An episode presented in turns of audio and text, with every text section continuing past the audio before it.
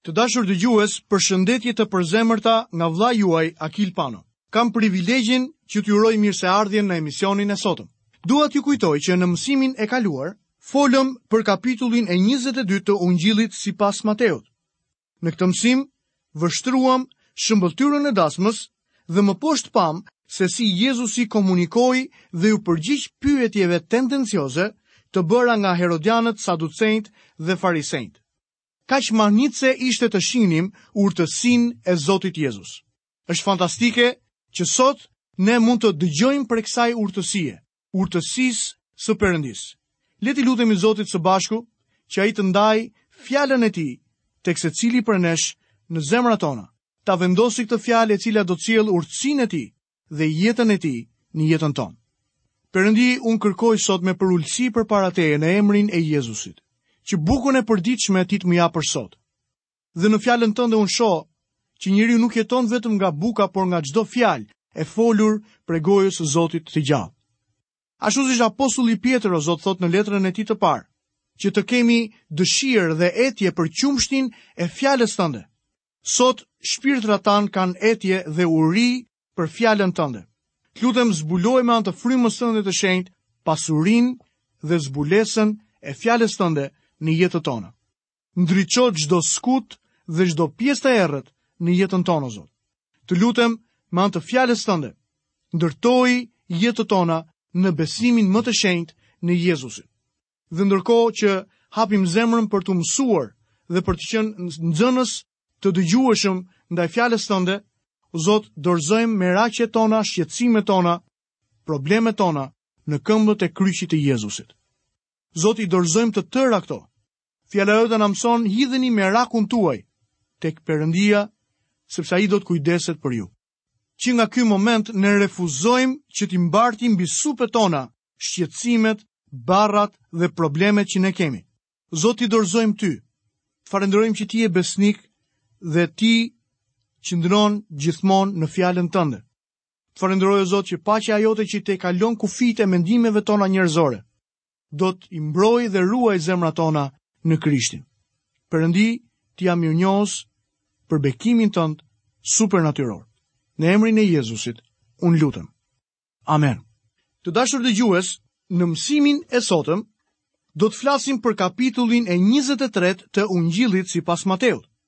Në këtë mësim do të shohim se si Jezusi do të merret nga farisenjtë dhe skribët. Si Jezusi e shikon tërë çështjen e tyre, do të jetë interesante sepse do të të ndihmojë ty të shikosh si duhet në jetën tënde. Do ta fillojmë mësimin e sotëm duke lexuar nga kapitulli 22 i Ungjillit sipas Mateut, vargjet 41 deri tek vargu i 44. Farisenjtë mblidhen sërish dhe përpiqen ta zënë në grackë me një pyetje tjetër, por Jezusi u përgjigjet atyre Po me pyetje. Tani kur u mblodhën farisenjtë, Jezusi i pyeti, Ç'u duket juve për Krishtin? Biri i kujt është?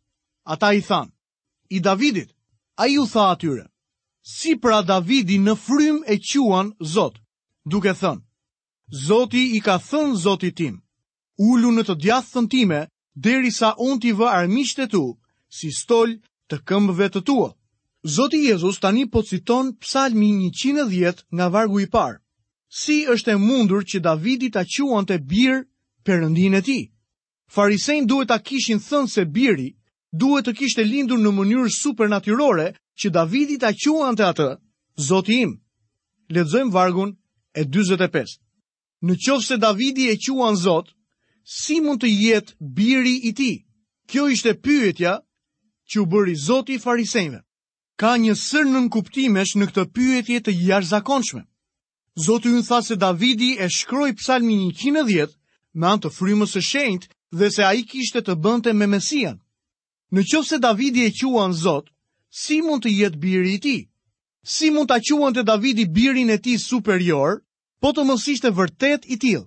E vetmja përgjigje logjike e kësaj pyetje është lindja e Jezusit prej një virgjëreshe.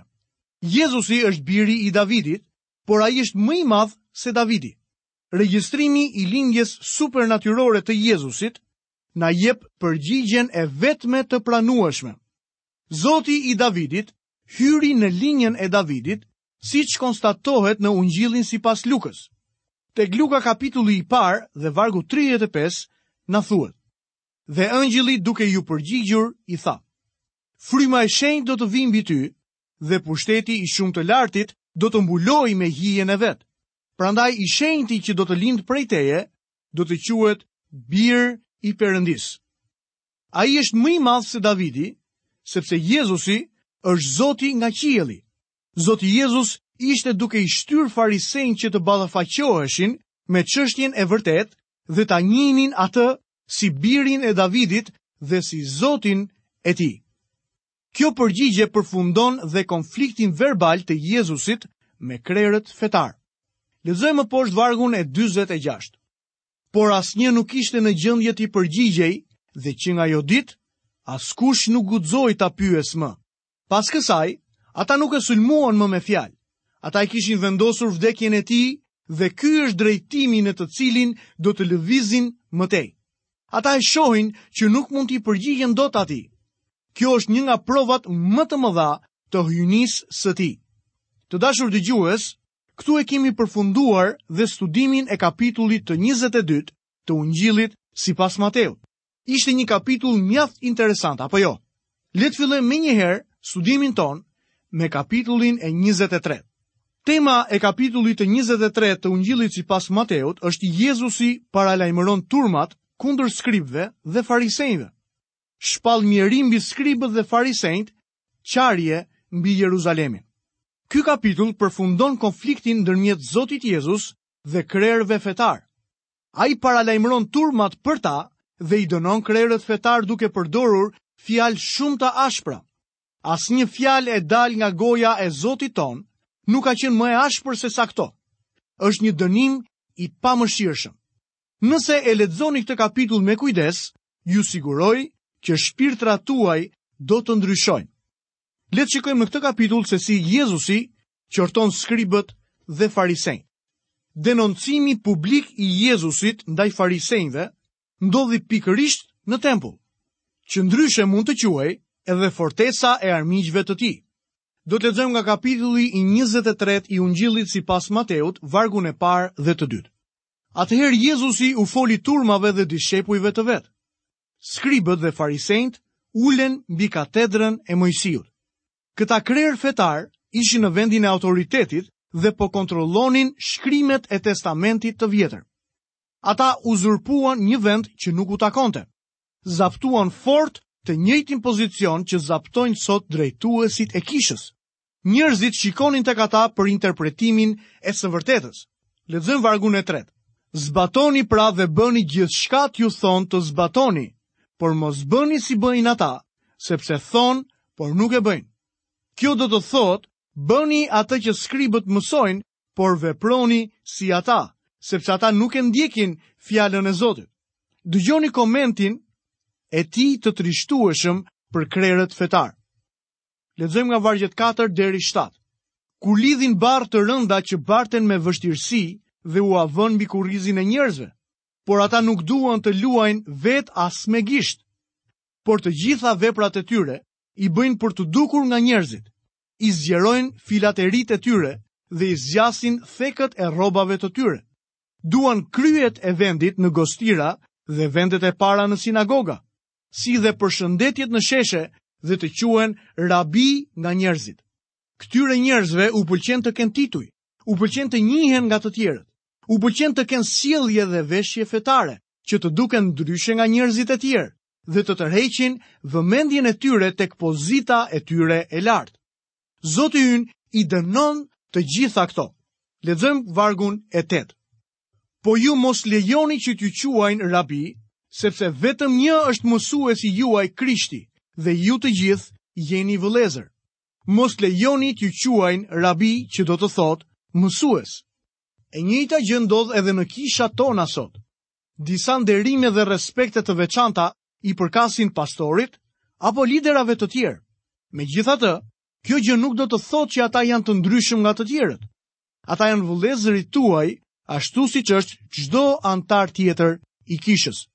Lexojmë vargun 9 dhe 10. Dhe përmbi tokë mos thirrni askënd atë tuaj, sepse vetëm një është ati juaj, ai që është në qiej. As mos lejoni që t'ju quajnë udhëheqës, sepse vetëm një është udhëheqësi juaj, Krishti. Një atë është një person që të jep jetë. Të quash një njeri atë, nga ana frymërore do të thotë ta vendosësh atë në vend të Zotit, si i vetmi që jep jetën shpirtërore. Kjo është blasfemi. Ati Perëndi është i vetmi që jep jetë.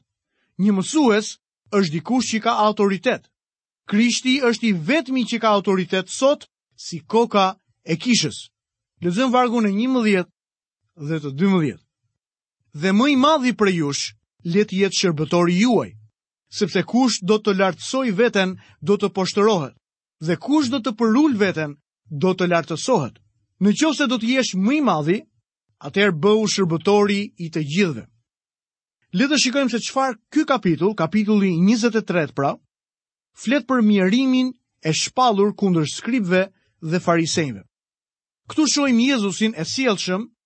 të përdorë gjuhën më të ashpër në të gjithë fjalën e Perëndisë.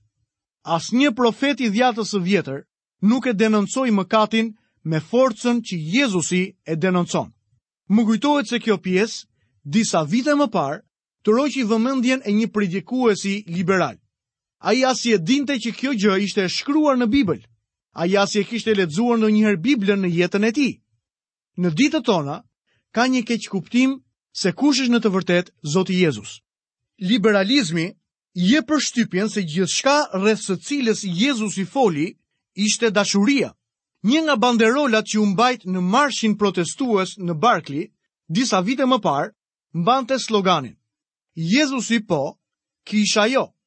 Një senator nga Oregoni shkoi edhe më tej, duke pohuar se kisha po i jep botës sot përshtypjen e gabuar për Jezusin. Ai tha se ky brez e do Jezusin, por nuk e do kishën kështu siç është.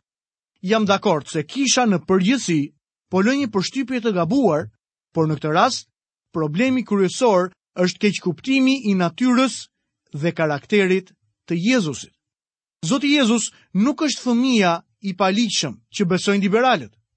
Pa dyshim, është e vërtetë se ai i do mëkatarët dhe vdiq për ta, po aq saç është e vërtetë që gjykimi i tij do të bjerë një ditë mbi ta.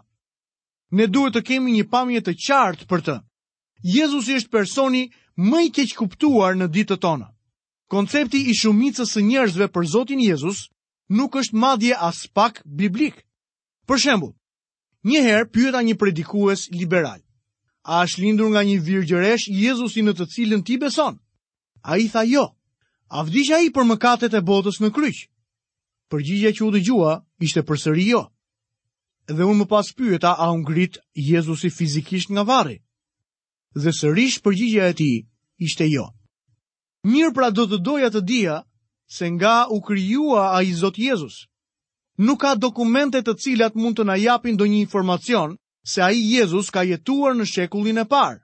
Të vetmet dokumente që kemi na tregojnë për një person që u lind nga një virgjëreshë, kreu mrekulli, vdiq për mëkatet e botës, u ringjall prej së vdekurish, u ngjit në qiell dhe do të kthehet sërish në tokë si gjykatësi i saj. Miku im, ky Jezus nuk është i njohur gjerësisht sot. Dhe ende, ai është i vetmi Jezu Krisht që ka jetuar ndonjëherë. Tjetri është vetëm pjellë e imagjinatës. Dëgjojeni atë, ndërkohë që shpall mjerim mbi skribët dhe farisenjtë. Gjuha që Jezusi përdor është mjaft e ashpër. Lexojmë vargun e 13. Por mjerë ju o skribë dhe farisenj hipokritë. Pse mbyllni mbretërinë e qiejve para njerëzve? Sepse as ju nuk hyni, as nuk i lini të hyjnë ata që janë për të hyrë. Zoti e përdor fjalën mjerim në këtë pjesë tetë herë. Ai i quan skribët dhe farisenjtë hipokritë. Ai e përdor këtë fjalë shumë herë. Më pas i akuzon sepse mbyllin rrugën për në qiell me anë të udhëheqjes së tyre false. Do të lexojmë më poshtë në vargun e 14. Mjerë ju o skribë dhe farisenj hipokritë. sepse gllabëroni shtëpitë e të vejave dhe për sy e faqe bëni lutje të gjata. Për këtë arsye, ju do të pësoni një dënim më të rreptë. Me fjalë të tjera, këta njerëz që bëjnë lutje të gjata në marrëdhëniet e përditshme me të tjerët, ishin të pashpirtë dhe hajdutë në marrëveshjet tregtare. Lexojmë vargun e 15. Mjerë ju o skribë dhe farisenj hipokritë. sepse përshkoni detin dhe dheun për të bërë prozelitë, dhe kur ndokush bëhet i tillë, e bëni bir të Gehenas dhe dy herë më të keq se ju. Oh, ata ishin të famshëm për të dalë jashtë për të dëshmuar, por ata nuk sillnin asnjë individ tek Zoti me dëshminë e tyre. Asnjë nga të konvertuarit e tyre nuk ishte në fakt i rilindur sërish. Tani do të lexojmë vargun e 16. Mjerë ju udhëheqës të verbër që thoni, në qoftë se dikush betohet për tempullin, kjo s'është gjë, por në qoftë se betohet për arin e tempullit, është i detyruar. Ai është borxhli, ky ishte betimi i tij detyrues. Të marrë dhe të verbër. Sepse cili është më i madh, ari apo tempulli që e shenjtëron arin? Le të lexojmë më poshtë nga vargjet 18 deri 22. Dhe në qoftë se dikush betohet për altarin, s'është gjë, por në qoftë se betohet për ofertën që është mbi të, është i detyruar. Ai është fajtor nëse dështon në zbatimin e betimit të tij. të marrë dhe të verbër, sepse cila është më e madhe oferta apo altari që e shenjtëron ofertën. Ai pra që betohet për altarin, betohet për të dhe për çdo gjë që është përmbi të. Ai që betohet për tempullin, betohet për të dhe për atë që banon atje. Dhe ai që betohet për qiellin, betohet për fronin e Perëndisë. Dhe për atë që është ulur mbi të. Farisenjtë mësonin se nëse betoheni për tempullin ose altarin, ju nuk do ta mbanit premtimin tuaj. Por nëse betoheni për arin e tempullit ose për ofertën në altar, betimi të lidhte. Sigurisht që ata ishin vëzhguesit e hollësive dhe vinin theksin më shumë në gjërat materiale se sa mbi qëllimet frymërore, për të cilat presupozohet se ata punonin. Tani dëgjoni shpalljen e ashpër të Zotit tonë Jezus. Lexojmë vargun e 23. Mjerë ju skribë dhe farisenj hipokritë, sepse ju llogarisni të dhjetën e mendrës, koprës dhe të barit të gjumit, dhe lini pas dore gjërat më të rëndësishme të ligjit, gjygjin, mëshirën dhe besimin. Këto gjëra duhet t'i praktikoni pa i lënë pas dore të tjerat. Ata ishin tepër të përpiktë në të dhjetën e bimëve të tyre të vogla si erëzat, mendra e të tjerë. Kur isha i vogël, më kujtohet se mamaja ime kultivonte një copëz të vogël toke me mendër në oborrin pas shtëpisë për ta përdorur në çajin e ftohtë gjatë kohës së verës. A mund ta imagjinoni një nga këta krerë fetarë duke matur atë pjesë të vogël me mendër dhe duke marrë një të dhjetën e saj për t'ia dhënë Zotit? Mund t'ju vijë për të qeshur, por është e vërtetë, ata ishin shumë strikt për gjërat e vogla. Por Zoti ynë u tha: Ju keni harruar gjërat më të rëndësishme të ligjit. Dhe ato gjëra më të rëndësishmet do t'i kishin sjellë këta njerëz tek personi i Jezu Krishtit. Lexojmë vargun e 24. Udhëheqës të verbër, që sitni mushkonjën dhe kapërceni devenë. A nuk mendoni se ky varg është me humor? Mendoj se po. Nëse do të kisha qenë prezent kur Jezusi i tha këto fjalë, sigurisht që do të kisha qeshur, veçse po të isha farise ose skrib, jo. Zoti foli shumë seriozisht, por unë jam i sigurt se shumë nga turma kanë qeshur, veçanërisht ata që i njihnin këta krerë të vjetër fetarë. Ka shumë njerëz që bëjnë shumë nga këto gjëra të vogla. Më kujtohet një grua e këndshme që sillte gjithmonë disa argumenta në lidhjen me përdorimin e të kuqit të buzëve. Ajo mendonte se lyrja e buzëve ishte diçka e këndshme, por i kuqi i buzëve për të ishte i tmerrshëm. Sinqerisht mendoj se lyrja e gjuhës me bojën e thashethemeve, sidomos kur përdoret për të njollosur reputacionin e dikujt, është shumë më e keqe se sa pak bojë mbi buzë. Është e çuditshme se si njerëzit mund të sitin mushkonjën dhe të kapërcejnë devenë. Lexojmë vargun e njëzet e pestë. Mjerë ju o skribë dhe farisenj hipokritë, sepse pastroni anën e jashtme të kupës dhe të pjatës, ndërsa përbrenda janë plot me grabitje dhe teprime. Mjerimi i pestë i paraqet farisenjtë duke vendosur theksin në gjërat e jashtme. Kjo është një pamje e një pjese të kishës sot. Ajo është kaq e zënë duke pastruar anën e jashtme të kupës dhe të pjatës. Ata ndjekin të gjitha ceremonitë dhe duan të kenë pajisjet më të mira. Flasin bukur për mëkatin, por mëkatojnë në mënyrë të lirshme. Në të shumtën e rasteve, në vend të fjalës mëkat, përdorin fjalën gabim etj. Por çfarëdo lloj ceremonie e jashtme, sado madhështore qoftë, nuk mund të pastrojë kurrsesi korrupsionin e përbrendshëm, mëkatin. Farisenjtë zëvendësuan realitetin me ritualin, besimin me formalitetin dhe Zotin me liturgjinë fetare. Le të lexojmë më poshtë vargun e fundit për mësimin e sotëm. Vargun e 26. Farise i verbër, pastro më parë përbrenda kupën dhe pjatën, që edhe përjashta të jenë të pastër. Mos e keqkuptoni, ai nuk po thotë që pjesa e jashtme nuk duhet pastruar, por ju lini një përshtypje të gabuar kur pastroni vetëm të jashtmen dhe lini pis pjesën e brendshme. Pastrimi duhet të fillojë nga brenda, nga zemra jote. Të dashur dëgjues, kemi mbërritur kështu dhe në fundin e emisionit të sotëm. Ju falenderoj që keni qëndruar së bashku me mua përgjatë gjithë këtyre minutave nga vëllai juaj Akil Pano. Keni të gjitha bekimet e Perëndisë dhe paqen e Tij në jetën tuaj. Bashkë mirë u dëgjofshim në emisionin e ardhshëm.